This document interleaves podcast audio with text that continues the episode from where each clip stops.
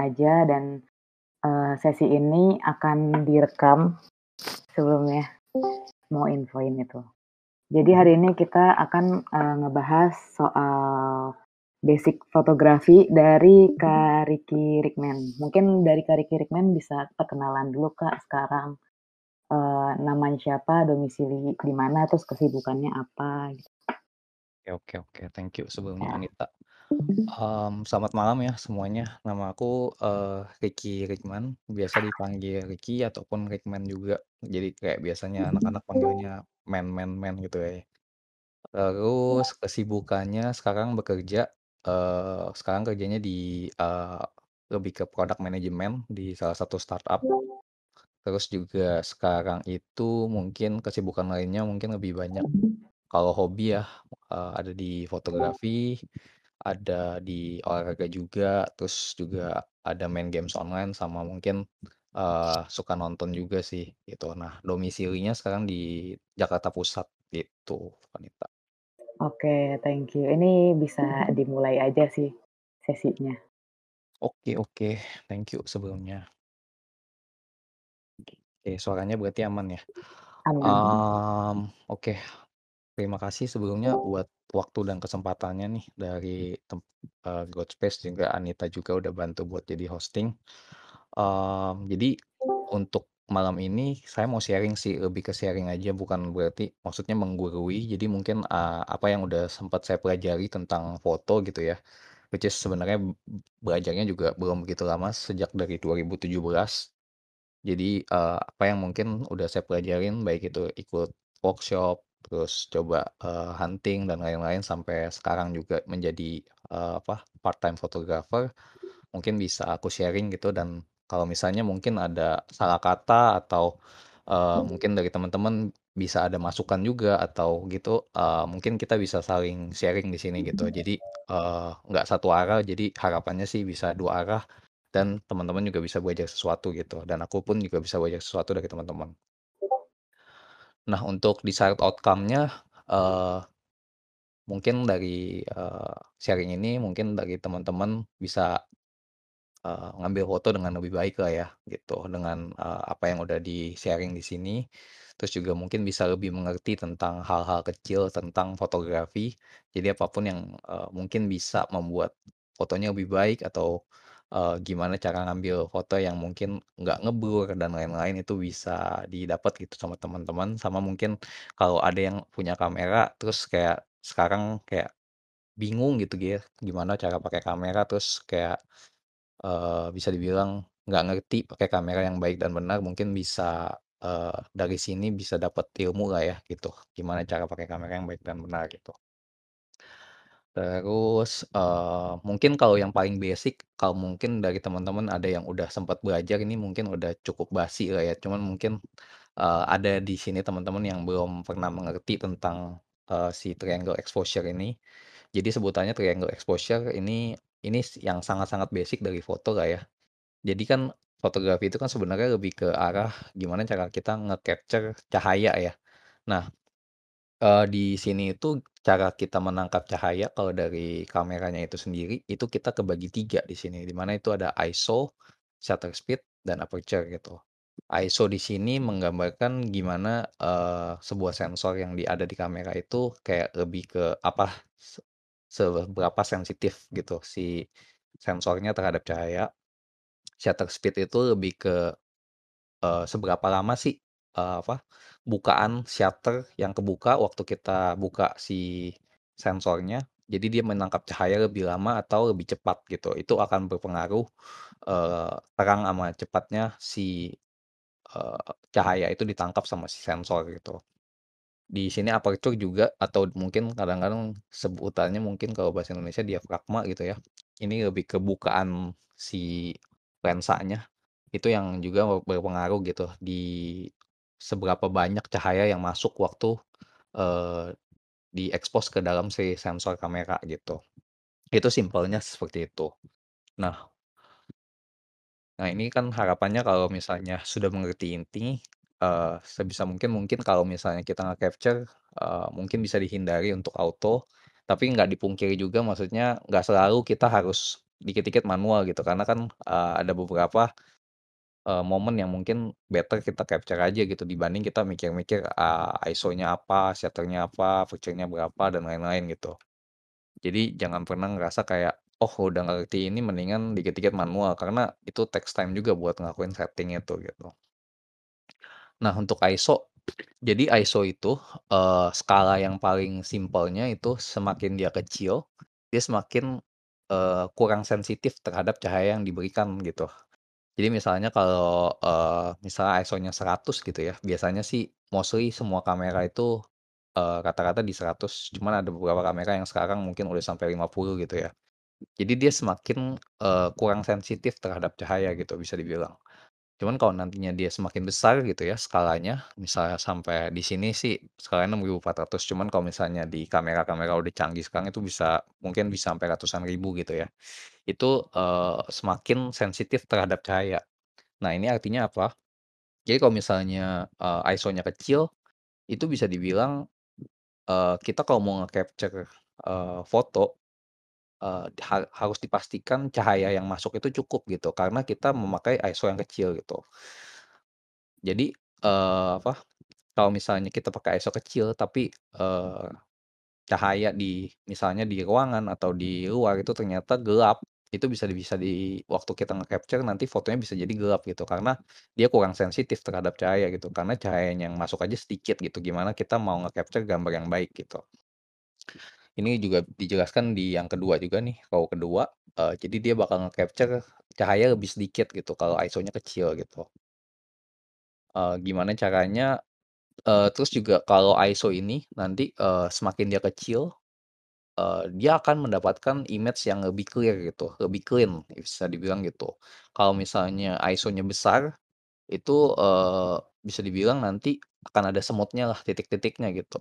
Kalau teman-teman dulu sempet pakai handphone-handphone yang zaman-zaman dulu gitu ya, mungkin kayak N70, kayak handphone-handphone lama, itu kalau kita foto, selfie, dan lain-lain gitu ya, kalau misalnya teman lihat sekarang fotonya, itu pasti banyak bintik-bintiknya. Karena apa? Karena mu kemungkinan besar dia memakai ISO yang besar buat meng-capture foto, eee, teman-teman waktu ngelakuin selfie atau ngelakuin foto untuk dia bisa dapet si gambarnya gitu.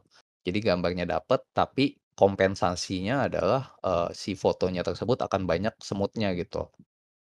Kayak gitu. Jadi ISO simpelnya seperti itu, gitu sih. Nah, eee, oh ya BTW kalau misalnya teman-teman kayak mau ada pertanyaan, feel free untuk langsung, eee, ini aja ya, langsung, eee, ngomong atau nanya langsung, it's okay gitu. Karena kita ini konsepnya sharing jadi sama-sama belajar lah ya. Ini yang ISO. Terus yang aperture gitu. Simpelnya sih aperture kalau dia kalau misalnya teman-teman lihat di sini, kalau pernah ngelihat lensa kebuka dan ketutup, itu dia semakin kalau di sini sebutannya dia f f per berapa gitu ya. Jadi semakin kecil dia akan semakin terbuka lebih besar gitu, terbalik jadi kalau misalnya f per berapa di sini, eee, bukaannya akan lebih kecil gitu. Di sini akan nanti pengaruhnya di mana gitu, karena semakin besar di sini, cahaya yang masuk ke dalam si sensor kamera kita itu akan jauh lebih banyak lah ibaratnya gitu. Sementara kalau misalnya bukaannya aja kecil, udah pasti kan semua cahaya yang masuk ke dalam si kamera kita akan jauh lebih sedikit gitu. Terus nanti efeknya apa nih? Cahaya yang lebih besar dan, eee, cahaya yang lebih kecil. Sama kayak tadi, gimana cara kita nge-capture si, eee, foto kita gitu. Kalau misalnya ternyata kita lagi di tempat yang agak gelap, mungkin better pakai eee, bukaan yang lebih besar gitu. Kalau misalnya tempatnya aja terang banget gitu ya, siang hari misalnya, better mungkin bisa pakai cahaya yang lebih kecil gitu. Eh, maksudnya, eee, bukaan yang lebih kecil gitu, karena kan kayak ibaratnya kalau kita silau, mata kita kan juga agak nutup ya buat, membatasi cahaya yang masuk ke dalam mata kita. Intinya sih seperti itu simpelnya. Terus efek efeknya apa nih kalau aperture itu bukaannya besar dan bukaannya kecil gitu. Kalau misalnya kita bukaannya semakin kecil, itu nanti dia akan, eee, fokus. Ibaratnya kalau misalnya fokus teman-teman kalau misalnya lihat di di foto ini, dia bisa nge-capture kayak keseluruhan foto gitu.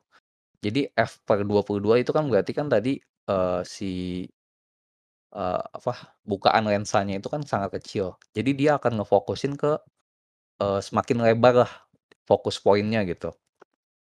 Nah, semakin dia nanti kecil atau bisa dibilang lensanya besar gitu ya, bu bukaannya, nanti dia akan fokusnya akan semakin kecil gitu, eee, depth of field-nya kalau kalau kata orang bilang depth of field itu, eee, seberapa besar sih fo apa, eee, fokusnya gitu. Nah, di sini kalau misalnya teman-teman kalau sadar gitu ya, beberapa belakangan ini kan kamera-kamera handphone juga banyak yang bokeh lah ibaratnya, ini kan sebenarnya sebutan lainnya bokeh juga ya. Jadi mereka tuh pakai, eee, f ininya tuh kecil atau bisa dibilang yang bukaannya besar. Jadi fokus ke dalam si objek atau subjek di sini, itu fokusnya hanya ke dia aja gitu. Jadi nanti di belakang-belakangnya nge-blur gitu. Nah, ini musti di pikirin lagi sama yang kayak tadi ya, maksud jadi maksudnya kalau misalnya dia besar gitu ya, cahaya yang masuk besar, eee, otomatis, eee, di sini juga si objek atau subjek itu akan lebih fokus ke si objeknya itu doang gitu. Terus nanti akan berpengaruh ke banyak hal lagi gitu. Nanti kita bahas bareng-bareng, eee, gimana salah satu apa, exposure triangle exposure yang tadi berefek ke, eee, foto kita gitu. Terus efeknya aperture apalagi nih? Nah, kalau yang tadi kan sebenarnya kalau kalau simpelnya kan kalau misalnya foto anjing tadi kan, kalau misalnya f-nya besar tadi, itu bisa nge-capture keseluruhan ya. Jadi ini ngaruh juga nih waktu kita nge-capture foto kayak bareng-bareng sama keluarga atau teman-teman yang banyak ibaratnya gitu. Kan kita misalnya ngerasa tempatnya gelap nih, terus kita pakai, eee, f-nya kita gedein biar cahayanya masuk. Nah, itu efeknya apa? Nanti efeknya nanti mukanya teman-teman nih ada yang satu mungkin fokus, tapi yang lain nggak fokus gitu. Karena teman-teman ngerasa, "Oh, cahayanya harus masuk banyak, jadi lensanya kita buka sebesar mungkin," gitu. Tapi itu bukan praktek yang bagus juga gitu. Jadi musti dipikirin juga kalau misalnya fotonya itu mengandung banyak subjek dan mungkin teman-teman pengen nge-capture juga nih background-nya, itu jauh lebih baik mungkin pakai f-nya itu yang besar gitu atau bukaannya kecil. Jadi semua fokusnya dapet.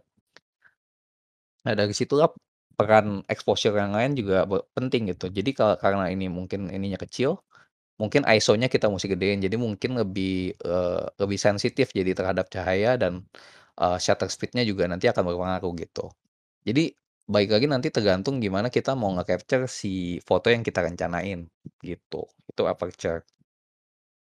Nah, ini shutter speed gitu. Kalau shutter speed harusnya lebih simpel ya. Jadi semakin, eee, ini kan 1/2000 detik lah ya. Eee, jadi 1/2000 ini kan semakin cepet gitu. Kita mau nge-capture gimana, eee, kalau misalnya kita mau nge-capture subjek atau objek yang sangat cepat berjalannya, itu mungkin better kita pakai, eee, 1/2000 gitu contohnya di sini kan. Tapi kalau misalnya kita nge-capture pakai 1/3 detik untuk objek yang cepat, misalnya atlet yang lagi lari atau atau anak kecil yang sering jalan-jalan, itu nanti pasti kemungkinan fotonya akan nge-blur gitu.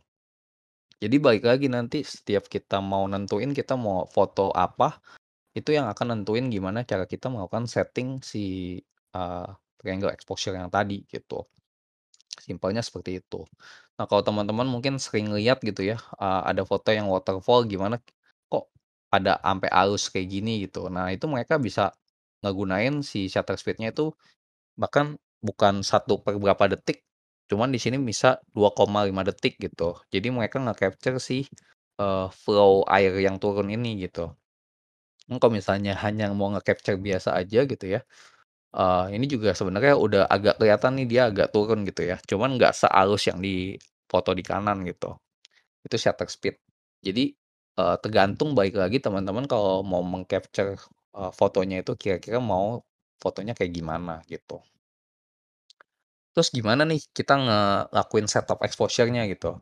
Karena kan ada ya ada 3 hal yang tadi ya gitu. Jadi balik lagi, eee, yang ngebedain sebenarnya fotografer sama tukang foto adalah kalau fotografer itu udah tahu nih, udah ada bayangan di kepala kita, kita mau nge-capture foto itu kira-kira yang kita mau seperti apa gitu. Dari situlah nanti akan dituangkan, eee, ke setting-nya lagi gitu, gimana kita nge-nyeting si kamera itu untuk sesuai dengan visualisasi yang kita bayangkan lah di pikiran kita gitu. Kalau dari ISO kan tergantung sensitivitas terhadap, eee, cahayanya ya gitu. Jadi kalau misalnya semakin tinggi ya otomatis kameranya juga akan semakin sensitif gitu. Cuman juga di sini akan ngebantu kalau ternyata fotonya udah agak sore gitu, Ca eee, misalnya cahayanya nggak ada atau mungkin di kamar gitu, di kamar kan cuman ada lampu. Jadi terus juga musti teman-teman inget gitu, sensor yang ada di mata kita sama yang ada di kamera tuh beda gitu. Jadi kalaupun kita pakai ISO-nya berapa, kita ngerasa ini kok cahayanya kayaknya cukup deh, cuman, eee, sensor yang ada di kamera kita itu jauh jauh lebih bisa dibilang quality-nya bedalah ya sama ciptaan Tuhan gitu. Jadi maksudnya kalau di mata kita, kita ngerasa ini terang banget gitu, cuman kalau misalnya di kamera, itu pasti, eee, kelihatannya akan sangat gelap gitu, itu si ISO kan. Jadi balik lagi nanti dari tergantung kita mau fotonya foto kayak gimana. Nah ini yang tadi aperture ya, ini sebenarnya summary sih. Jadi kalau misalnya, eee, semakin besar cahaya yang masuk ke dalam kamera, which is kalau misalnya dia bukanya besar, berarti nanti akan kemungkinan jadi efek bokeh yang tadi gitu. Kalau misalnya bukaannya kecil, berarti kita mau nge-capture, eee, keseluruhan misalnya paling sering sih kalau pakai aperture kecil itu yang tadi ya, grup foto sama foto-foto misalnya pemandangan gitu. Kita kan pengen nge-capture pemandangan keseluruhan gitu, jangan sampai ada yang nggak fokus gitu. Itu biasanya aperture gitu. Kalau shutter speed biasanya tergantung nih objeknya cepat atau enggak gitu. Kita kan misalnya mau foto-foto wildlife atau musin mungkin street foto juga kadang-kadang butuh shutter speed yang cepat, karena kan kita mungkin ngelihat gerakan sesuatu, kita pengen capture itu, kita biasanya utamain shutter speed-nya gede, nanti yang lain dikompensasi gitu. Yang penting momennya dapet, shutter speed-nya itu tinggi gitu. Biasanya seperti itu. Kayak gitu. Dari sini dulu mungkin ada yang mau tanya dulu nggak? Atau mungkin bisa lanjut? Mungkin dari teman-teman mau nanya? Atau lanjut lanjut dulu aja kali, Kak? Oke oke oke. Nah, terus yang kayak tadi ya, eee, sebenarnya nggak ada, apa, nggak ada eee, settingan yang bener-bener baik itu harus seperti ini dan yang jelek itu kayak gimana gitu. Karena kalau misalnya kita lihat di yang kanan ini, itu kita bisa ngasilin foto yang hampir mirip gitu, cuman dengan settingan yang sangat berbeda di sini. Kalau misalnya teman-teman lihat yang kanan, misalnya di sini ISO-nya 50 yang foto yang di atas, dia memakai f3,5 dengan, eee, settingan shutter speed-nya itu 1/30. Terus yang bawah juga bisa didapat dengan ISO yang tinggi di sini, ISO 12800, f-nya sama, tapi shutter speed-nya jauh lebih cepat gitu. Nah kalau misalnya dilihat di sini, eee diperhatiin lebih detail, mungkin nggak tahu ya kelihatan atau enggak, di sini tuh ada semacam titik-titik lah gitu. Jadi secara quality sebenarnya bagusan yang atas gitu, tapi apakah menghasilkan gambar yang sama atau foto yang sama, bisa dibilang ya mirip-mirip lah gitu. Jadi kalau misalnya dibilang, "Oh ini settingan lu nggak oke," atau gimana, jadi balik lagi sebenarnya tergantung kita melakukan visualisasinya sih, mau mau nge-capture si fotonya itu seperti apa. Karena, eee, sebenarnya ini 2 bisa dibilang ya udah bagus sih gitu. Jadi kita bisa nge-capture foto yang sama gitu. Misalnya ISO-nya kecil, ya otomatis shutter speed-nya mungkin kita lambatin. Atau gimana gitu kan. Kalau di sini ISO-nya sangat tinggi, dia sensitivitasnya sangat tinggi gitu ya, ya kita terpaksa cepetin, jangan sampai kita buka terlalu lama, otomatis nanti fotonya, eee, putih semua gitu, karena exposure-nya terlalu tinggi, gitu. Kayak gitu simpelnya.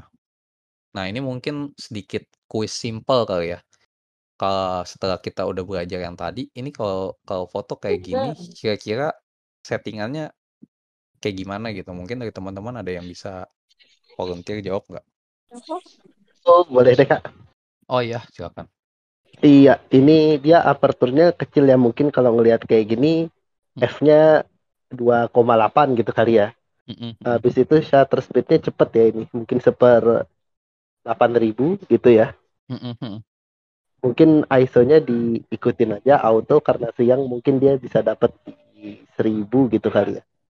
Oke oke. Oke. Mungkin ada lagi dari teman-teman yang lain gitu, sebelum kita coba bahas? Thank you Mas ya, tadi. Mas siapa tadi? Yo, Ian, Mas Riki. Oke, Mas Ian, thank you Mas Ian. Oke, jadi karena nggak ada yang jawab juga mungkin jadi sebenarnya kalau di sini udah bener banget nih dari Mas Ian yang tadi, cuma mungkin, eee, low ISO atau high ISO juga baik lagi ya, tergantung. Karena ini aku sih tadi anggapannya karena ini siang bolong ya, cuman mungkin kalau misalnya dia agak sore juga sebenarnya nggak bisa dipungkiri tadi bisa juga high ISO gitu. Jadi di sini udah benar ya tadi, eee, aperture-nya itu besar karena dia kalau misalnya dilihat objeknya itu udah keisolasi banget lah, kita fokusnya hanya ke tupainya aja, belakangnya udah ngeblur gitu ya. Terus shutter speed-nya tinggi kenapa? Karena ya basically si tupai kan sangat cepat gitu, gimana kita nge-capture si momen tupai ini gitu. Gitu. Oke, thank you ya Mas Ian, ini oke banget nih. Yuk Mas Riki. Nah, another things yang mungkin kadang kita nggak tahu gitu ya, eee, dan mungkin menurut aku juga lumayan penting nih, si focal length gitu. Kalau teman-teman biasa punya kamera dapet, eee, lensa kit gitu ya, biasanya tuh ada tulisan 18 sampai 55 paling basic, 18 sampai 55 milimeter. Nah itu namanya focal length ya. Jadi focal length itu jarak lensa sama ke sensor. Itu yang akan nentuin seberapa deket nanti waktu kita ngelakuin foto, eee, semakin tinggi focal length-nya otomatis objek yang kita bisa lihat dari, eee, viewfinder kita atau yang biasa kita ngintip gitu ya, itu akan semakin deket gitu. Jadi semakin dia pendek, eee, itu focal length-nya nanti dia akan semakin lebar, ibaratnya kalau kalau istilah lainnya wide lens gitu, lensa yang bisa nge-capture lumayan besar gitu. Itu si focal length ya. Terus hubungannya apa nih focal length sama gimana kita melakukan, eee, fotografi? Nah itu lumayan penting di sini. Jadi kalau misalnya teman-teman biasanya pakai foto kamera gitu ya, foto kamera handphone itu biasanya focal length-nya itu dia bisa dibilang agak wide gitu. Jadi kalau misalnya teman-teman foto di sini, itu akan terlihat mukanya agak aneh gitu kalau misalnya foto. Jadi ibaratnya mukanya itu nggak sesuai dengan aslinya gitu, kalau di foto kayak gimana, aslinya kayak gimana gitu. Nah, kalau misalnya, eee, teman-teman lihat di sini, bisa dibilang semakin tinggi gitu ya si, eee, length-nya, itu wajahnya bisa dibilang udah agak normal lah di di 50 atau di 85 di sini. Jadi kalau misalnya kita pakai focal length yang rendah gitu ya, kita terus fotonya agak dari deket biar bisa dibilang kayak nge-zoom in gitu ya, itu nanti wajahnya agak aneh gitu karena kelihatannya agak cekung lah ibaratnya gitu. Di situ salah satu important things lah buat si focal length itu sendiri. Jadi kalau misalnya kita mau nge-capture, manusia gitu ya atau portrait foto biasanya, itu mungkin, eee, better-nya start-nya udah kalau misalnya yang kamera-kamera APS-C atau yang mirrorless mungkin bisa start di 35, cuman kalau misalnya foto-foto kamera yang, eee, full sensor gitu ya, atau Canon, Nikon gitu biasanya, atau DSLR kita bisa bilang full frame, itu bisa ngambil mungkin di 50 sampai, eee, 200 atau 85 lah minimal gitu. Itulah kenapa biasanya kalau kita mau coba terjun di dunia foto, terlebih foto yang portrait atau yang lebih ke manusia, disarankan sebenarnya fotonya itu udah punya lensa yang bisa memadai untuk minimal 35 sampai si 85. Untuk apa? Untuk waktu kita foto, objeknya itu jelas gitu dan nggak berubah lah wajahnya. Kalau ini kan kalau yang pertama kan jadi agak aneh lah ibaratnya gitu. Gitu, si focal length. Terus masalah komposisi nih, gitu. Sebenarnya kan kalau kita ngelakuin foto kan, kalau tadi yang aku lihat kan di di channel juga kan tim yang paling sering itu kan tim apa, yang penting bagus gitu, yang penting kelihatannya enak gitu. Nah, terus gimana nih kita caranya buat nge-capture foto yang mungkin enak dilihat gitu. Salah satunya kan sebenarnya ada ilmunya lah namanya si composition ini gitu. Gimana kita ngelakuin, eee, melakukan placement subjek sama background itu di dalam foto, eee, gimana caranya biar kelihatannya enak nih, biar enak dilihat lah ibaratnya gitu. Jadi sebenarnya komposisi yang bagus itu nggak perlu kamera yang bagus gitu, nggak perlu yang kayak detail-detail tadi juga. Kalau memang kita ngelakuin fotonya oke gitu, gimana kita melakukan komposisi, bahkan kita pakai kamera jadul pun itu mungkin fotonya enak dilihat gitu. Si composition itu lumayan penting di sini. Nah, di sini mungkin aku bakal share sedikit beberapa composition yang, eee, yang sempat aku pelajarin dan mungkin ada beberapa yang aku juga ngambil dari gitu ya.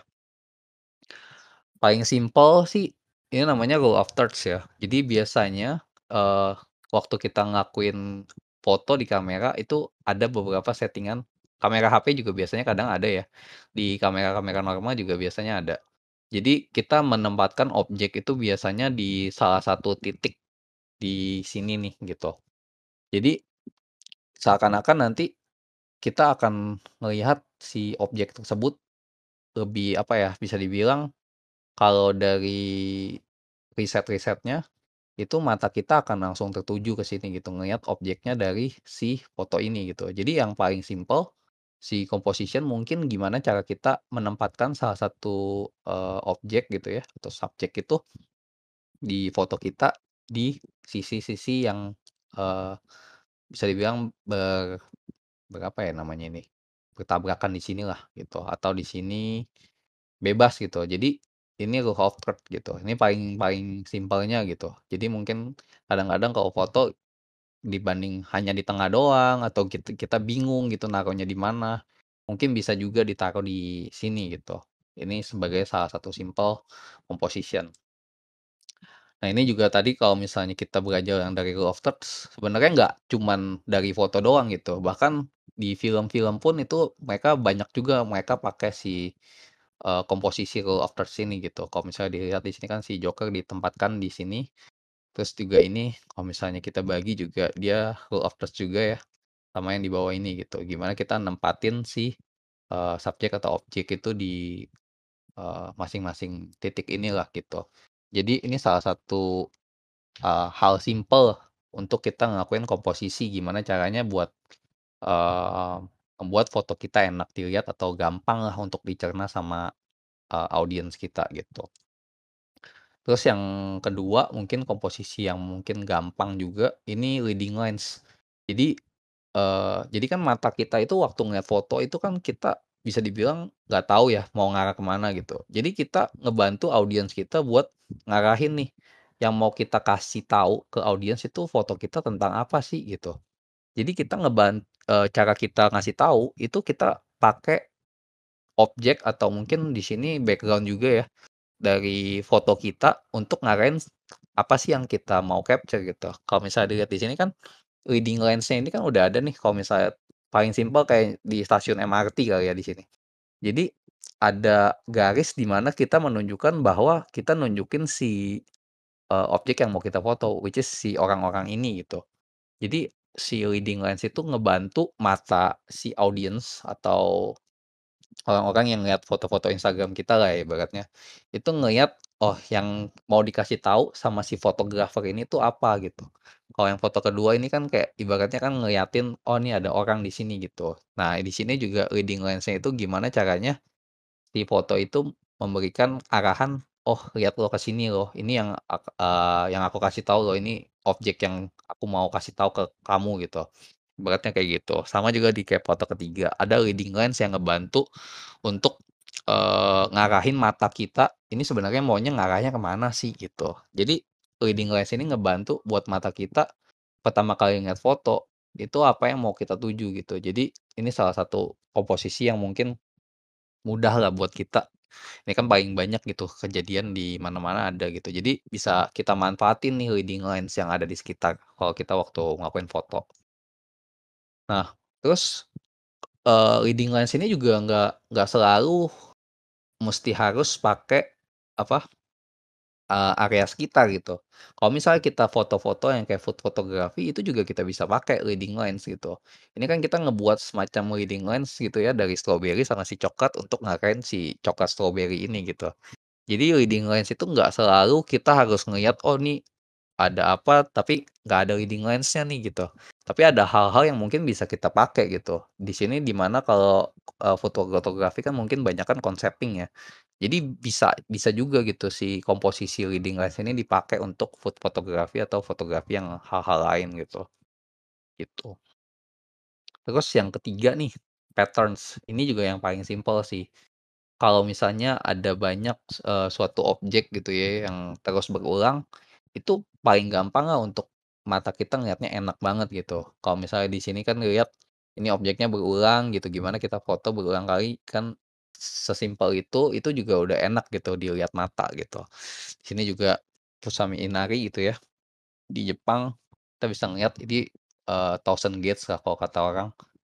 Ini berkali-kali gitu ya, banyak banget objeknya, ini kan udah patterns banget gitu, ini mungkin sekali foto juga orang ngeliatnya enak gitu.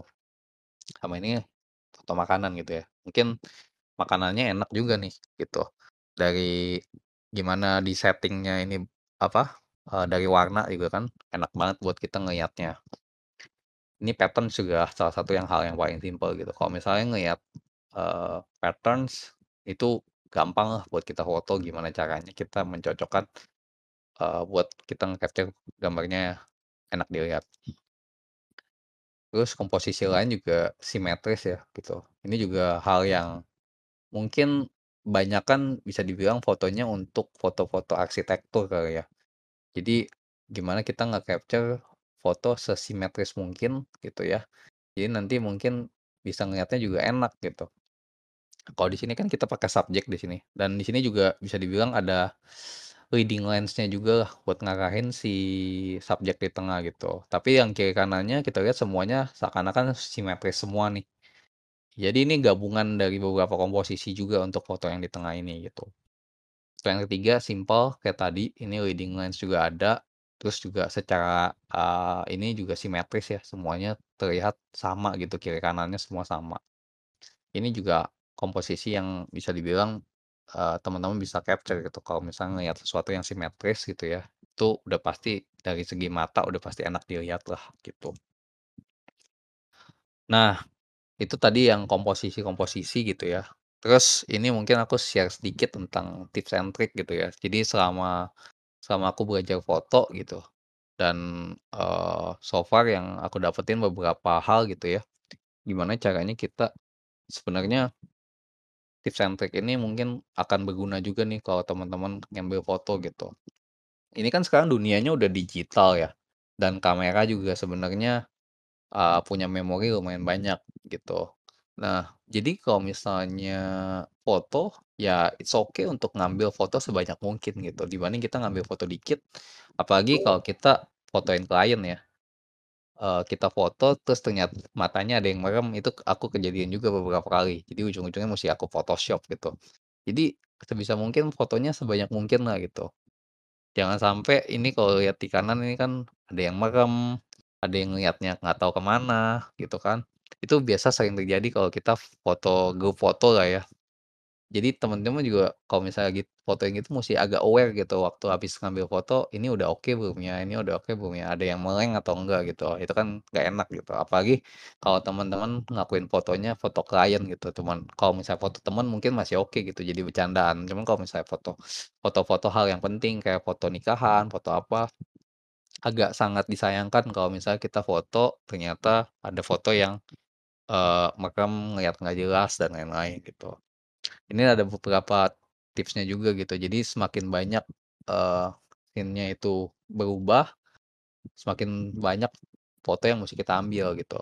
Terus semakin penting yang kayak tadi ya, semakin penting kayak contoh foto-foto wedding, atau foto hal yang mungkin kejadiannya sangat jarang dalam hidup kita, itu sebisa mungkin ngambil fotonya sebanyak mungkin gitu. Sama yang terakhir the eee, the more people, which kalau misalnya grup foto, better ngambil sebanyak-banyaknya gitu, jangan sampai kita menyesal gitu waktu kita mau ngedit gitu, terutama kalau misalnya kita jadikan ini sebagai profesi, pas ngelihat, loh kok ini fotonya ada yang nggak oke gitu, either itu ngeblur, ini kan kesalahannya kesalahan dari si subjeknya ya, kadang itu juga bisa juga dari dari kitanya, ternyata waktu kita foto ngeblur gitu, atau ada yang ke-crop dan lain-lain gitu. Jadi sebisa mungkin foto yang banyak aja gitu, karena ini kan udah digital gitu, kecuali zaman dulu nih, di mana masih zaman foto-foto film gitu. Jadi kalau foto film kan lumayan, eee, penting lah sekali capture aja itu kan udah pasti udah nggak bisa diulang gitu, dan sangat, eee, limited resource-nya gitu kalau yang zaman dulu. Kalau sekarang ya it's okay lah untuk ngambil lebih banyak. Itu yang pertama. Terus kalau foto mungkin bisa ngambil, eee, beda-beda angle nih gitu. Kadang kan kita ngefokusin foto satu subjek gitu atau objek, kayak fotonya dari situ doang gitu. Mungkin teman-teman bisa explore gitu, gimana, "Oh kayaknya foto dari sini oke," atau foto gimana gitu. Di-explore aja gitu, eee, untuk foto dari beberapa titik yang menurut teman-teman kayaknya pengen coba sini gitu. Karena memang fokusnya kan mungkin lagi belajar foto, jadi cobain aja terus gitu, gimana cara ngambil si foto itu gitu. Jadi jangan pernah takut buat explore gitu. Karena tiap angle mungkin hasil fotonya beda-beda juga gitu. Terus, eee, yang kedua juga terkait cahaya ya, karena cahaya kan lumayan penting terhadap si, eee, foto ini gitu. Jadi begitu ngelihat, oh nih cahayanya dari arah mana gitu, better ngambil fotonya dari mana itu juga penting gitu. Jangan sampai kita foto biasanya nih kejadian kan kita ngelakuin foto nggak taunya, eee, mukanya gelap gitu karena cahayanya dari belakang. Jangan sampai kayak gitu. Jadi musti aware juga nih terhadap si cahayanya itu udah sebenarnya datangnya dari mana gitu. Jangan sampai kita foto, tapi ternyata jadinya ujungnya gelap gitu dan jadi nggak oke, ibaratnya seperti itu. Itu yang si tips trick yang kedua. Terus kalau yang ketiga mungkin lebih banyak gimana cara kita maksimalin kamera kita sih. Jadi jangan pernah ngerasa kayak, "Ih kayaknya kamera gue jelek nih, yang sekarang gue pengen upgrade biar fotonya lebih bagus." Nggak gitu teman-teman. Jadi even kita pakai kamera yang, eee, sejelek mungkin bahkan, eee, kalau yang paling sekarang mah kamera handphone sebenarnya udah sangat-sangat oke kok gitu. Jadi pelajarin aja gitu, eee, dari dari hal yang paling kecil gitu, jangan buru-buru dikit-dikit upgrade kamera atau nge-upgrade sesuatu, yang penting kita pelajarin dulu apa yang kita punya, maksimalin apa yang kita punya gitu ya. Eee, nanti dari situ bertahap mungkin kalau misalnya mentok pelajarannya terhadap kamera yang udah kita punya di situ, mungkin emang pengen belajar lagi it's okay gitu. Cuman ya sebisa mungkin kalau kita udah punya kamera, ya maksimalin aja dari kamera situ gitu. Karena bahkan kamera yang, eee, SLR aja itu fungsinya sangat-sangat banyak gitu, sebelum kita ngelakuin upgrade kamera, eee, ke level yang lebih tinggi lagi gitu. Kayak hal-hal simpel gitu, gimana ngelakuin autofocus, shutter-nya bisa continuous, bisa compensation exposure, ISO shutter speed-nya sama aperture-nya di, eee, dimahirkan dulu gitu. Terus kamera timer simpel gitu. Jadi hal-hal tentang kamera sebisa mungkin mungkin teman-teman bisa pelajarin dulu gitu, jangan sampai dikit-dikit, "Ini kameranya bagus." Fotonya akan nggak nggak akan bisa lebih bagus juga sih. Jadi yang paling penting gimana kita cara pakai kameranya gitu. Terus ini lighting ya gitu. Ini sebenarnya juga lumayan hal kecil gitu ya, yang kadang-kadang kita lupa gitu. Jadi sebenarnya, eee, cahaya yang eee, apa bisa dibilang jatuh ke ini kalau di sini kan jatuh ke wajah ya. Cuman intinya sih jatuh ke subjek atau objek yang kita mau foto itu akan ngaruh terhadap mood ibaratnya, eee, gimana si si subjek itu akan impact ke dalam foto yang akhirnya kita capture tadi gitu. Kalau dilihat di sini, foto yang di sini itu kelihatannya, eee, kayak foto-foto film hantu lah gitu ya. Di mana kan kelihatannya kalau cahaya dari bawah tuh identik kayak film-film Susana gitu kali ya. Jadi musti agak hat hati-hati gitu. Jadi setiap kita foto mungkin kita lihat dulu nih cahayanya di mana. Atau kalau misalnya teman-teman udah bisa punya, eee, artificial cahaya gitu ya, eee, punya lighting tambahan, itu bisa diarahin dulu gitu, cahaya yang baik itu sebenarnya dari mana gitu. Jangan sampai kita foto asal foto, mukanya kayak hantu semua gitu kan. Itu sangat-sangat berpengaruh nih, eee, di mana letak jatuhnya si cahaya dan shadow gitu ya, itu ngaruh ke si mood terhadap foto kita gitu, gimana kita menempatkan si cahaya tersebut gitu.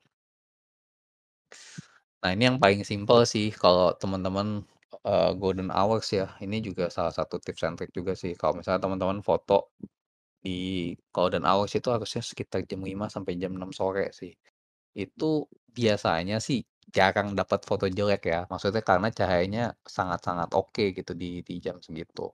Jadi baik itu fotonya mau coba foto siluet, foto, eee, yang langsung direct pun ke wajah harusnya nggak sesilau itu. Karena kalau misalnya foto jam 12.00 itu itu cahayanya sangat-sangat terik gitu, jadi kadang ke wajah malah jadi nggak oke gitu. Jadi si golden hours ini jam 5.00 sampai jam 6.00 sore biasanya cahayanya sangat soft gitu. Jadi kalau teman-teman ngelakuin foto, itu biasanya sih jatuh ke wajah bagus, biasanya.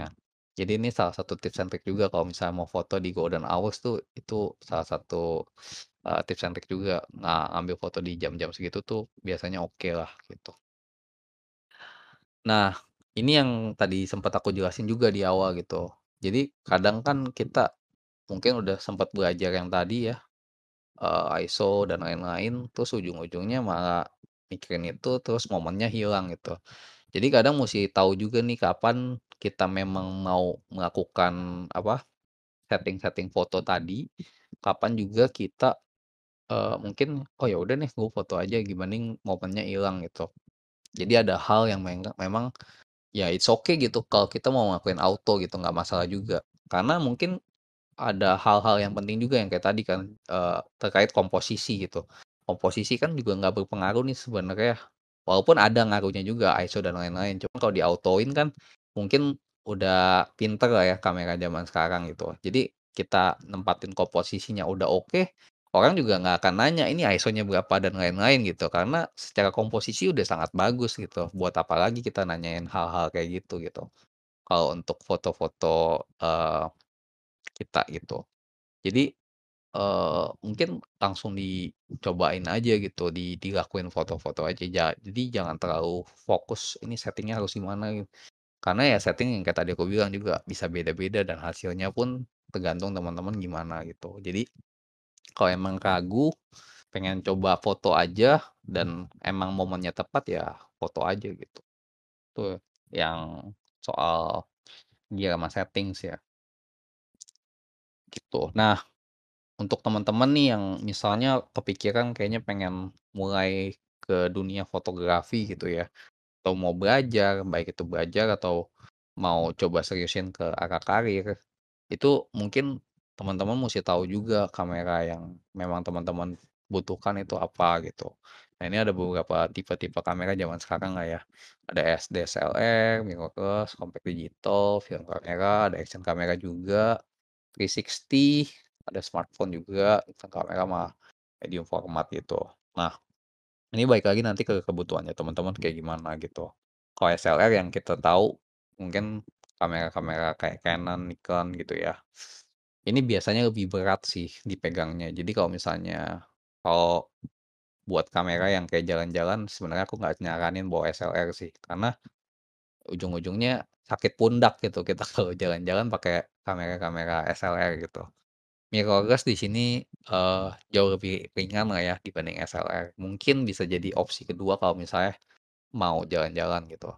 Tapi ini juga bisa dibilang banyak banget, eee, fotografer zaman sekarang pakai mirrorless. Jadi ini juga bisa go profesional untuk pakai mirrorless gitu. Jadi, eee, it's okay gitu untuk pakai mirrorless. Ada kamera compact, kalau aku sih saranin kalau buat jalan-jalan mungkin kamera ini enak sih gitu, nggak nggak terlalu banyak yang di-setting, ringan gitu. Terus juga nggak nggak gonta-ganti lensa dan lain-lain, ini sangat, kompatibel gitu, maksudnya bisa di-zoom in, bisa di-zoom out gitu ya. Jadi sangat enak lah kalau compact buat jalan-jalan sebenarnya. Kamera film zaman-zaman sekarang nih, anak-anak anak zaman sekarang nih, biasanya suka pakai foto-foto yang vintage, cuman ini agak banyak effort-nya ya. Jadi musti beli filmnya, musti dicuci, walaupun sekarang teknologinya juga udah semakin canggih ya, jadi nyuci juga jauh lebih cepat dibanding zaman dulu. Cuman ini kalau misalnya teman-teman mau belajar film kamera juga silahkan, nggak nggak masalah mau dapat yang lebih estetik mungkin ya. Tuh, terus action cam, kalau teman-teman yang suka yang jalan-jalan, terus pengen capture, eee, entah itu di bawah air, entah itu, eee, point of view langsung, misalnya lagi daki gunung atau apa, mungkin action cam lebih cocok gitu untuk dapetin apa yang teman-teman mau gitu. 360 mungkin mirip-mirip action cam, tapi ini juga sebenarnya bisa banyak hal lah gitu, karena ini kan nge-capture ke sekeliling kita gitu ya. Jadi kalau misalnya nge-vlog pengen dapetin semuanya, mungkin salah satu eee, kamera yang bisa di-consider 360 juga lumayan oke. Terus smartphone di sini, uh, smartphone sebenarnya zaman sekarang udah sangat-sangat canggih ya. Jadi bahkan kalau aku sempat lihat kayaknya ada beberapa fotografer yang cuman pakai smartphone doang untuk ngelakuin foto-foto, uh, komersialnya mereka gitu, kayak foto food fotografi, even pakai smartphone udah sangat cukup gitu buat mereka. Jadi jangan dianggap remeh juga nih smartphone kamera gitu. Instant kamera nih ya, kalau ini sih biasanya sih buat foto-foto ini ya, uh, baik itu jalan-jalan atau mungkin nge-capture langsung pengen di-print langsung gitu. Terus medium format mungkin lebih banyak film atau sinematografi kali ya.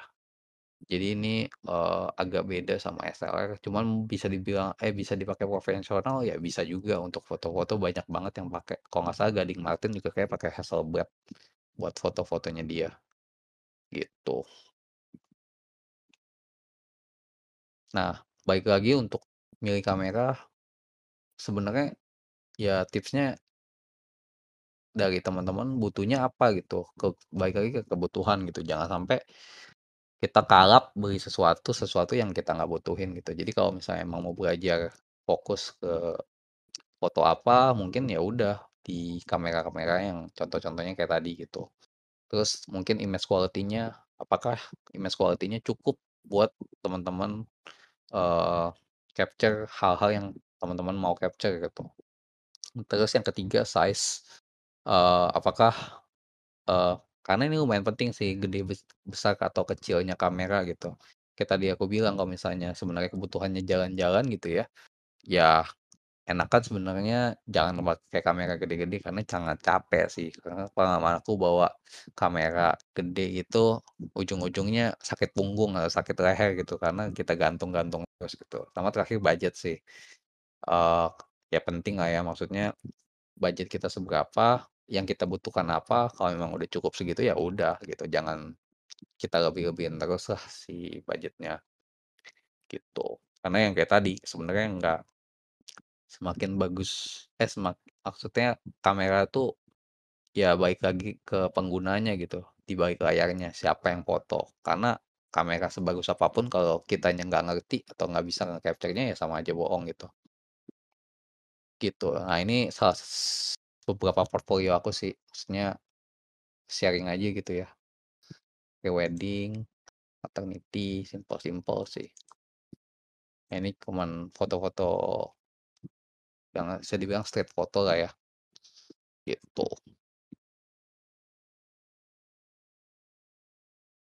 Gitu sih. Nita, kayaknya cukup kali ya. Oke, thank you Kak Riki udah present basic-basic fotografi gitu. Sebelumnya kita uh, ini sih baru baru pernah sharing pengalaman dari teman-teman, belum ada yang pernah jelasin sedetail ini dan aku juga baru baru tahu yang apa ya tips. Mungkin ini salah satu tips dari Kariki yang uh, sangat aku butuhkan saat ini. Yang apa sih bagian yang kalau misalnya kita mau foto orang foto grup itu uh, bukaannya harus yang kecil biar yeah, iya. semuanya yeah. ter capture yeah. itu iya. Iya iya.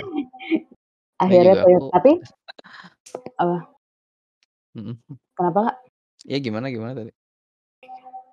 Enggak sih, itu aja. Mhm. Boleh. Mungkin dari iya. teman-teman ada yang mau nanya kah? Di sini boleh di Tadi kayaknya Titi mau nanya ya? Oke. Hai Kak Riki. Halo halo. Aku mau tanya sekalian sharing nih. Oh iya, silakan Jadi silakan uh, sekitar tahun 2017-2018 aku tuh suka banget sama yang namanya fotografi. Punya kamera juga. Kamera aku hmm. itu DSLR Canon. Masih yang 4 digit begitu. Okay. hmm.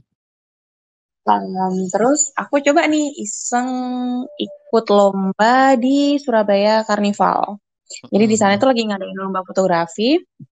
Udah kan? Ikut di sana. Uh, udah nih ambil foto nih sebagus mungkin sejelas mungkin gitu kan yeah, iya. ibaratnya yeah. seaktif mungkin lah hasil fotonya tapi ternyata yang menang itu fotonya blur. Oke. Aku bingung aku gini kayak, kok yang dimenangin kok foto yang blur ya waktu itu? Foto Oke. yang emang di di setting blur gitu loh, Kak. Oke, Itu oke. fotonya tuh eh, waktu itu ada di fotonya yang menang ya. Itu Mhm. orang lagi naik wahana, apa sih yang namanya? Yang di kursi terus yang muter-muter Oh, kayak kayak kayak ayunan gitu. gitu? Atau Iya, gimana? kayak gitu. Mhm Nah, tapi tuh hasil fotonya tuh blur gitu. Itu yang dapat juara satu. Hampir Mmm. semua orang yang pesertanya itu juga kaget, kok dia ya yang juara ya? Karena fotonya itu blur gitu loh, nggak jelas dan apa ya kalau dilihat tuh juga nggak begitu jelas juga ini objeknya kayak Iya gitu. Kok dimenangin? Nah, terus aku lihat-lihat lagi teman-temanku yang ikut lomba fotografi. Ih, itu fotonya bagus-bagus gitu, fotonya bagus-bagus, fotonya jelas, terus apa namanya kayak presisinya itu agak antara objek satu sama objek lainnya juga bagus. Dia juga menang di situ. Apakah kalau ikut lomba fotografi gitu juga kita mesti lihat jurinya ya? Kalau Kayak gitu. menurut aku sih, ya udah pasti sih, karena kan otomatis sebenarnya foto ini kan bisa dibilang subjektif ya, nggak ada kayak penilaian, "Oh ini harus seperti ini," yang kayak tadi aku bilang, eee, bahkan nggak ada yang bisa dibilang foto ini yang misalnya aku bilang foto ini bagus, yang lain juga belum tentu bilang foto ini bagus. Jadi menurut aku, foto tuh pasti bisa dibilang subjektif sih, balik lagi. Terus sama gimana cara kita memvisualisasikan apa yang kita mau kasih ini ke si juri tersebut gitu, balik lagi yang kayak tadi, ke audiens. Sama si temanya sih, balik lagi yang tema tema foto yang di apa, di Selenggarakan. dilombakan, ya betul. Apakah foto kita emang udah mengandung si tema tersebut dan mungkin sesuai dengan orang yang, eee, ngelihat foto kita atau enggak gitu. Kayak foto kita udah berbicara nggak sih ke si audiens kita gitu. Tapi ya balik lagi aku juga sebenarnya nggak nggak nggak tahu banget nih, karena aku juga belum pernah menjuri, eee, foto-foto ya. Jadi, ya balik lagi sih, karena kadang-kadang kan kita nggak tahu ya si jurinya itu gimana. Bisa jadi jurinya mungkin, eee, menangin orang tertentu, itu kalau negatif thought ya. Tapi kalau emang ternyata jurinya ngelihat sesuatu yang emang kita mungkin secara awam nggak lihat gitu, kadang, oh ternyata mungkin, eee, si juri ngelihat foto ini berbeda dibanding foto-foto yang lain, itu juga kita kan nggak tahu gitu. Oke, mmm, sama mau tanya gini, Kak, eee, kalau menurut Kakak nih, seperti website-website yang menjual foto nih, aku kan juga banyak banget koleksi-koleksi foto kan nih. Mhm. Biasanya tuh kalau kalau diajak teman-teman pergi jalan gitu, aku suka foto-foto Mhm apa, wisata kayak gitu-gitu. Aku lebih suka, eee, foto-foto alam atau bangunan sih daripada orang ya. Nah, kalau foto-foto yang dijual di website itu gimana nih, Kak, menurut Kakak? It's worth it? Itu kalau misalnya kamu tekunin sebenarnya worth it banget sih. Karena, eee, itu kalau nggak salah aku lupa deh website-nya apa ya namanya. Cuman itu kayak foto-foto simpel ya, kadang kayak foto tisu, foto, eee, tentang toilet, atau hal-hal yang kecil yang mungkin karena kadang-kadang orang butuh gitu, baik itu mereka waktu ngedesain sesuatu, misalnya bikin presentasi, eee, misalnya bikin, eee, apa, foto-foto desain terkait poster atau apa, mereka mungkin pengen cari foto pisang gitu ya, kamu fotoin foto pisang, kalau misalnya mereka nyari dan ternyata mereka beli foto kamu, itu lumayan gitu. Jadi se ko eee, itu juga salah satu strategi buat monetizing juga sih. Jadi selain fotografer yang kayak fotografer misalnya wedding atau apa, sebenarnya foto-foto yang kayak gitu pun kalau nggak salah stock stock foto ya kalau nggak salah, itu juga bisa dibilang uangnya lumayan oke gitu.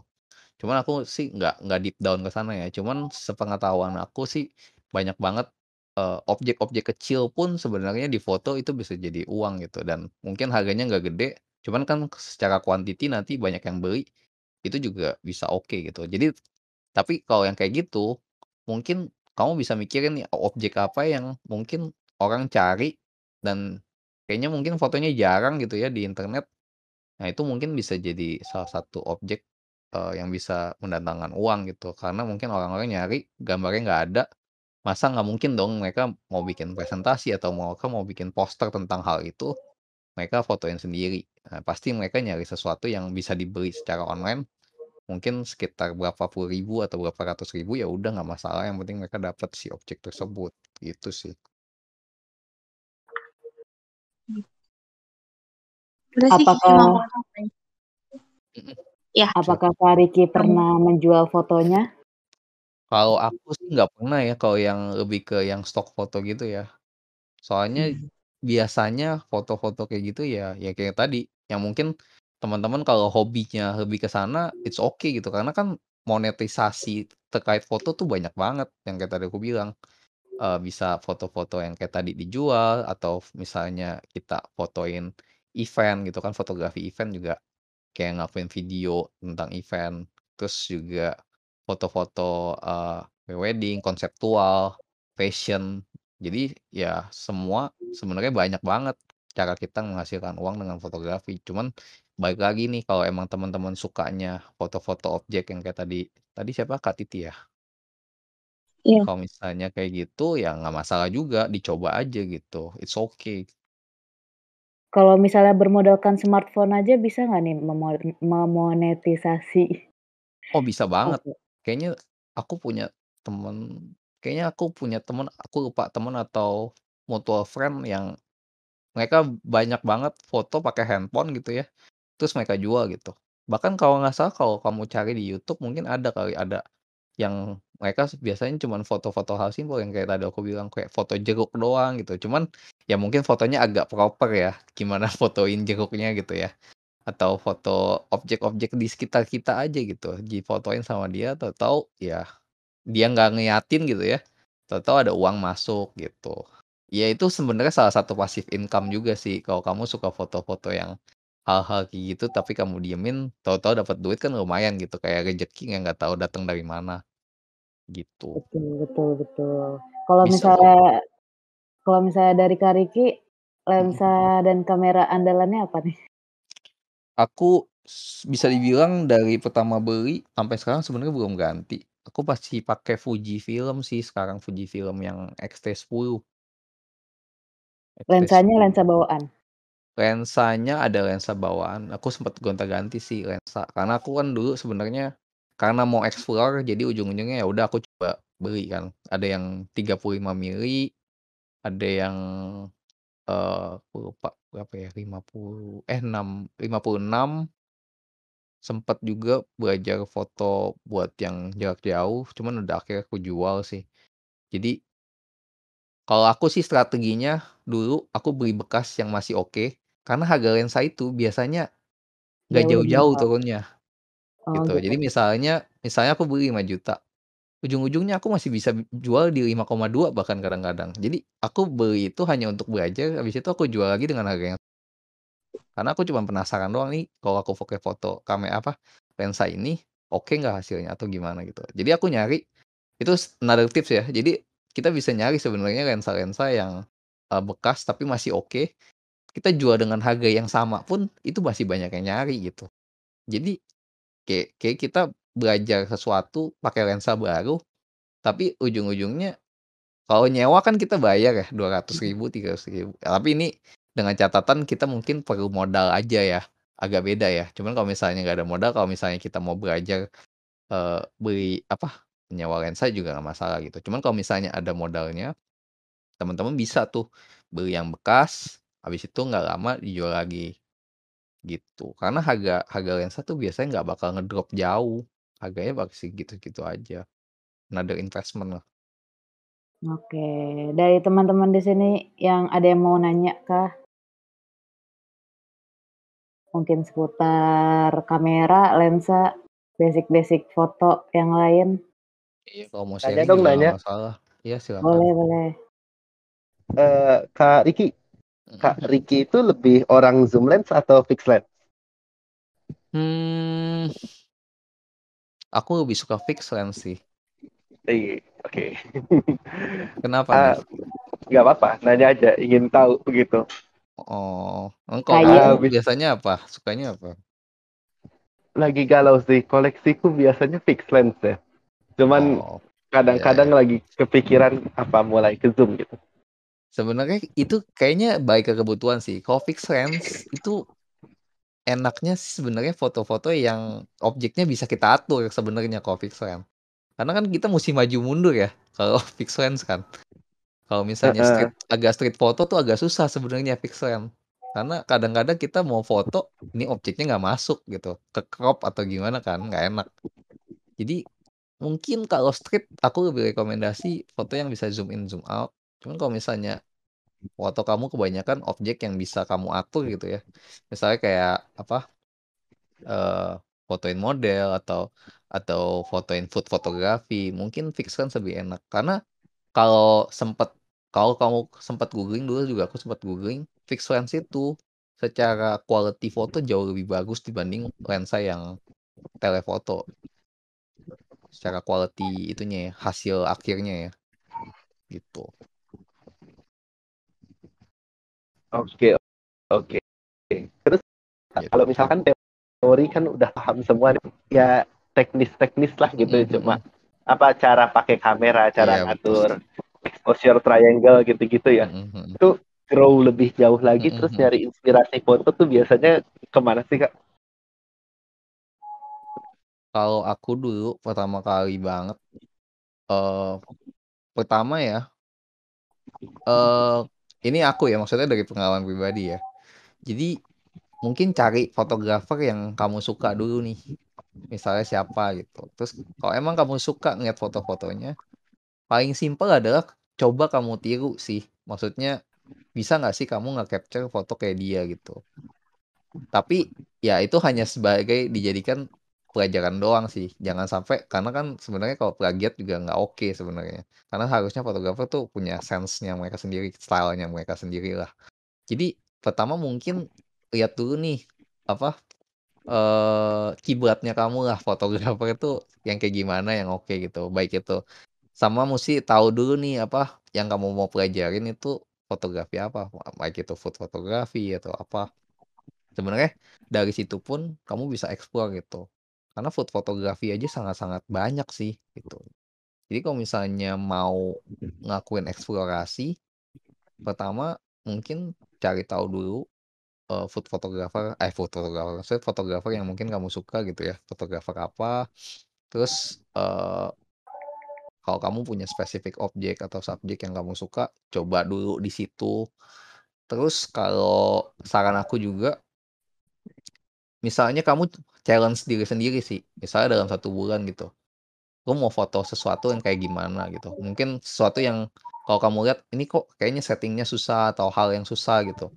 Kamu challenge dalam berapa hari atau dalam satu bulan bisa nggak kamu melakukan recapture foto tersebut gitu. Jadi nanti semakin lama ya kamu bisa dapetin eh, skill yang bisa kamu apa, jadi banyak pengalaman lah ibaratnya gitu. Sampai satu titik dari pengalaman yang udah kamu pelajarin di masa lalu kamu akhirnya bisa punya mindset oh ini kayaknya gue bisa deh eh, apa eh, ngebuat foto kayak gini dari pengalaman A pengalaman B pengalaman C gitu. Jadi kayak digabungin gitu loh gitu. Kalau menurut aku sih gitu sih. Jadi pelajarin dulu aja yang banyak hal sampai suatu saat kamu punya ngerasa kayaknya aku bisa deh bikin foto kayak gini gitu itu hal-hal yang simpel yang mungkin kalau kita sempat lihat tuh kayak flying food fotografi. Jadi kan foto foto-fotonya melayang gitu. Itu kan biasanya kan hasil-hasil dari apa yang mereka udah pelajarin dulu terus tiba-tiba dituangkan lagi gitu dengan dengan ide yang berbeda. Jadi mungkin saran aku ya banyak belajar dulu sih dan recapture dari foto-foto orang sampai kita ngerasa skill kita cukup terus kita punya ide sesuatu akhirnya dari ide itu karena kita skillnya udah ada di masa lalu akhirnya kita bisa develop sesuatu yang kita visualisasikan yang baru.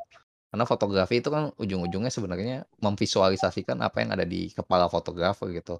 Kita mau bikin foto kayak gini gitu. Gimana ya caranya? Gitu. Gitu sih paling kalau menurut aku. Sip, sip. Thank you banget kak. sama-sama Oke, dari teman-teman yang lain ada yang mau sharing juga atau mau nanya? Tadi kayaknya Kak Vincent ada sharing nih di meja hijau. Mau ngobrol bareng kah di meja hijau juga di voice?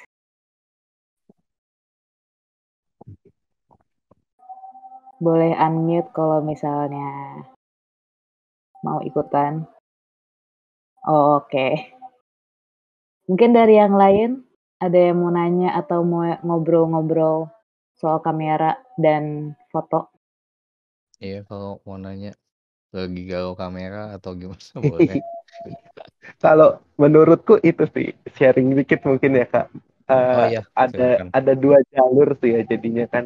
Ada fotografinya sama seninya fotografi gitu. Mm-mm, Ada lagi kamera sama gear gear gear gitu loh. Betul, betul. Eh, eh, maksudnya gear itu zaman sekarang menurut saya sih ya udah semua udah bagus-bagus aja gitu ya. Bahkan handphone pun udah bagus banget, semua udah bagus banget lah untuk dipakai foto gitu. Betul, betul. Balik lagi bener banget tadi ada slide-nya Kak Diki bilang eh, tergantung kebutuhan ya gitu. Benar. Eh, eh, mungkin kalau tadi yang apa ya vokaleng kan dibahas di slide, tapi mungkin Beberapa teman-teman eh, belum sempat kebahas lebih tuh eh, zoom lens atau fixed lens kayaknya ya. Oh iya, iya benar. Sama kalau menurutku sih antara DSLR atau mirrorless sama sekarang zaman sekarang kan semua sensor size pasti udah ada tuh. Benar. Kayaknya emang bahasannya antara lebih DSLR atau mirrorless aja, terus sensor size-nya dibahas gitu ya. Mm-mm, mm-mm, mm-mm. Itu mungkin bisa jadi tambahan nextnya kali ya. Eh, eh, ini vokaleng sih soalnya agak ngebingunginnya tuh karena setiap sensor size-nya beda, angkanya beda sih gitu. Terus orang Betul, pasti nanti betul. jadi pada bingung tuh. Betul, Di betul, situ betul, betul, kayak betul. lama banget sampai oh ternyata APS-nya tuh 50 tuh di full frame 75 gitu. Betul, Dapetin betul, betul. angka-angka atau bahkan micro third ada angkanya 40 di frame 8 gitu. Iya, iya, iya. Thank you, thank you udah diingetin. Kalau bahas sedikit yang kayak tadi disampaikan ya. Jadi kalau yang kamera-kamera kayak SLR, terus eh, mirrorless. Kalau micro four third itu sebutannya apa ya? Kamera apa ya? Sensor size sih itu Kak micro four third. Jadinya Iya sih. Dia hitungannya mirrorless kayak kayak mirrorless juga kan, cuman sensornya lebih kecil aja ya. Sebenarnya mirrorless atau DSLR itu ada ada kacanya ceklek-ceklek atau enggak sih gitu. Iya benar, Soalnya- benar, benar. Kan Canon Nikon sekarang juga udah punya mirrorless tuh. Betul, betul. Jadi sebenarnya mirrorless semua merek sekarang udah ada gitu. DSLR pun eh, semua merek pernah ada. Iya, iya benar. Medium format pun ada DSLR, ada mirrorless tuh. Benar, ada benar. ada digital, ada filmnya juga gitu. Betul, betul, betul. Itu jauh lebih detail lagi sih. Technicality-nya. Eh, cuman kadang-kadang mungkin pesen eh, kalau aku mau sharing gak usah terlalu dipikirin gak teknikal ya maksudnya asal exposure triangle udah bisa udah sih Mm-mm. fokus di eh, Iya, seni foto-fotonya aja gitu betul, Karena- betul, aku tenggelam ke arah yang salah lah. Iya, iya benar. Karena kalau misalnya kita kadang belajar si teknik terlalu banyak gitu ya. Kadang ya itu yang tadi kamu bilang sih kayak tenggelam terhadap kadang gearnya atau apanya kan. Kayak pengen foto ini, kok kayaknya gearnya nggak dapet, nggak bisa gitu. Jadi ujung-ujungnya mikirin technicality, gear dan lain-lain, ujung-ujungnya belajar. Jadi kayak sarjana foto, jadi sarjana kamera kita. iya bukan fotonya malah Iya, betul, betul. Ya memang kuncinya sih sebenarnya ya foto aja ya. Sebenarnya yang paling penting tadi komposisi sih. Kalau kita bisa mengkompos Mm-mm. fotonya, gimana kita ngarahin audiens terhadap foto kita itu jauh lebih penting. Nanti si technicality-nya ini, hal-hal kecilnya ini sebenarnya mengikuti begitu kita lakuin foto ini. Kayaknya mungkin kurang bagus, bisa difoto lagi dengan cara apa, baru kita pelajarin hal itu. Jadi mungkin bertahap gitu. Tapi aku setuju banget tuh tadi Kak Diki bilang tuh mulainya dari bikin bikin foto kayak apa sih gitu. Benar, benar, di, ke- benar. di Itu kepala tuh punya imajinasi apa gitu ya benar, benar. Itu yang ngebedain tukang foto sama fotografer sih. Tukang foto kan kayak, "Eh, fotoin dong," gitu. Ya udah habis itu kan selesai kan. Kalau fotografer tuh mungkin punya visualisasi dulu, "Oh, kayaknya gue mau nge-capture kayak gini deh." Nah, apakah udah cukup atau belum nih yang, eee, foto yang kita bayangkan di pikiran kita dengan baik itu subjeknya, background-nya, atau sekitarnya, ada yang perlu ditambahin atau enggak, ada yang apa gitu. Itu sih.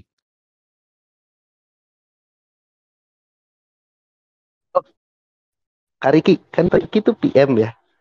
Mhm. Kak Riki sendiri lebih orang yang technical atau Hmm. orang yang nyeni sih Kak kira-kira? Kalau Kakak sendiri ngerasa Technical atau nyeni?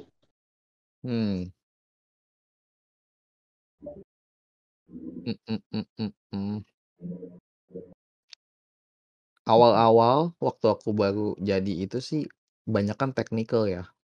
Cuman lebih ke belakang mulai ngelupain technical sih. Jadi aku nggak begitu mikirin technicality. Jadi ujung-ujungnya ya itu yang tadi aku bilang sih, lebih ke nyeninya sih. Cuman awal-awal sih aku belajar technical lumayan dalam. Tapi habis itu udah mulai, eee, begitu udah paham gitu ya, ya nggak terlalu dipikirin sih, yang penting hasil akhirnya gitu.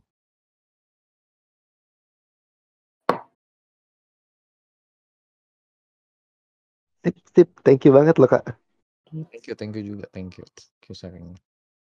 Oke, dari teman-teman yang lain ada yang mau tanya? Atau ada yang mau sharing juga? Kalau misalnya nggak ada, mungkin bisa kita tutup, eee, sesi malam ini. Kalau misalnya mau lanjut ngobrol, silahkan, tapi mau dimatiin dulu rekamannya. Terima kasih buat Kak Riki udah menyediakan waktunya untuk sharing malam ini. Thank you juga, Anita.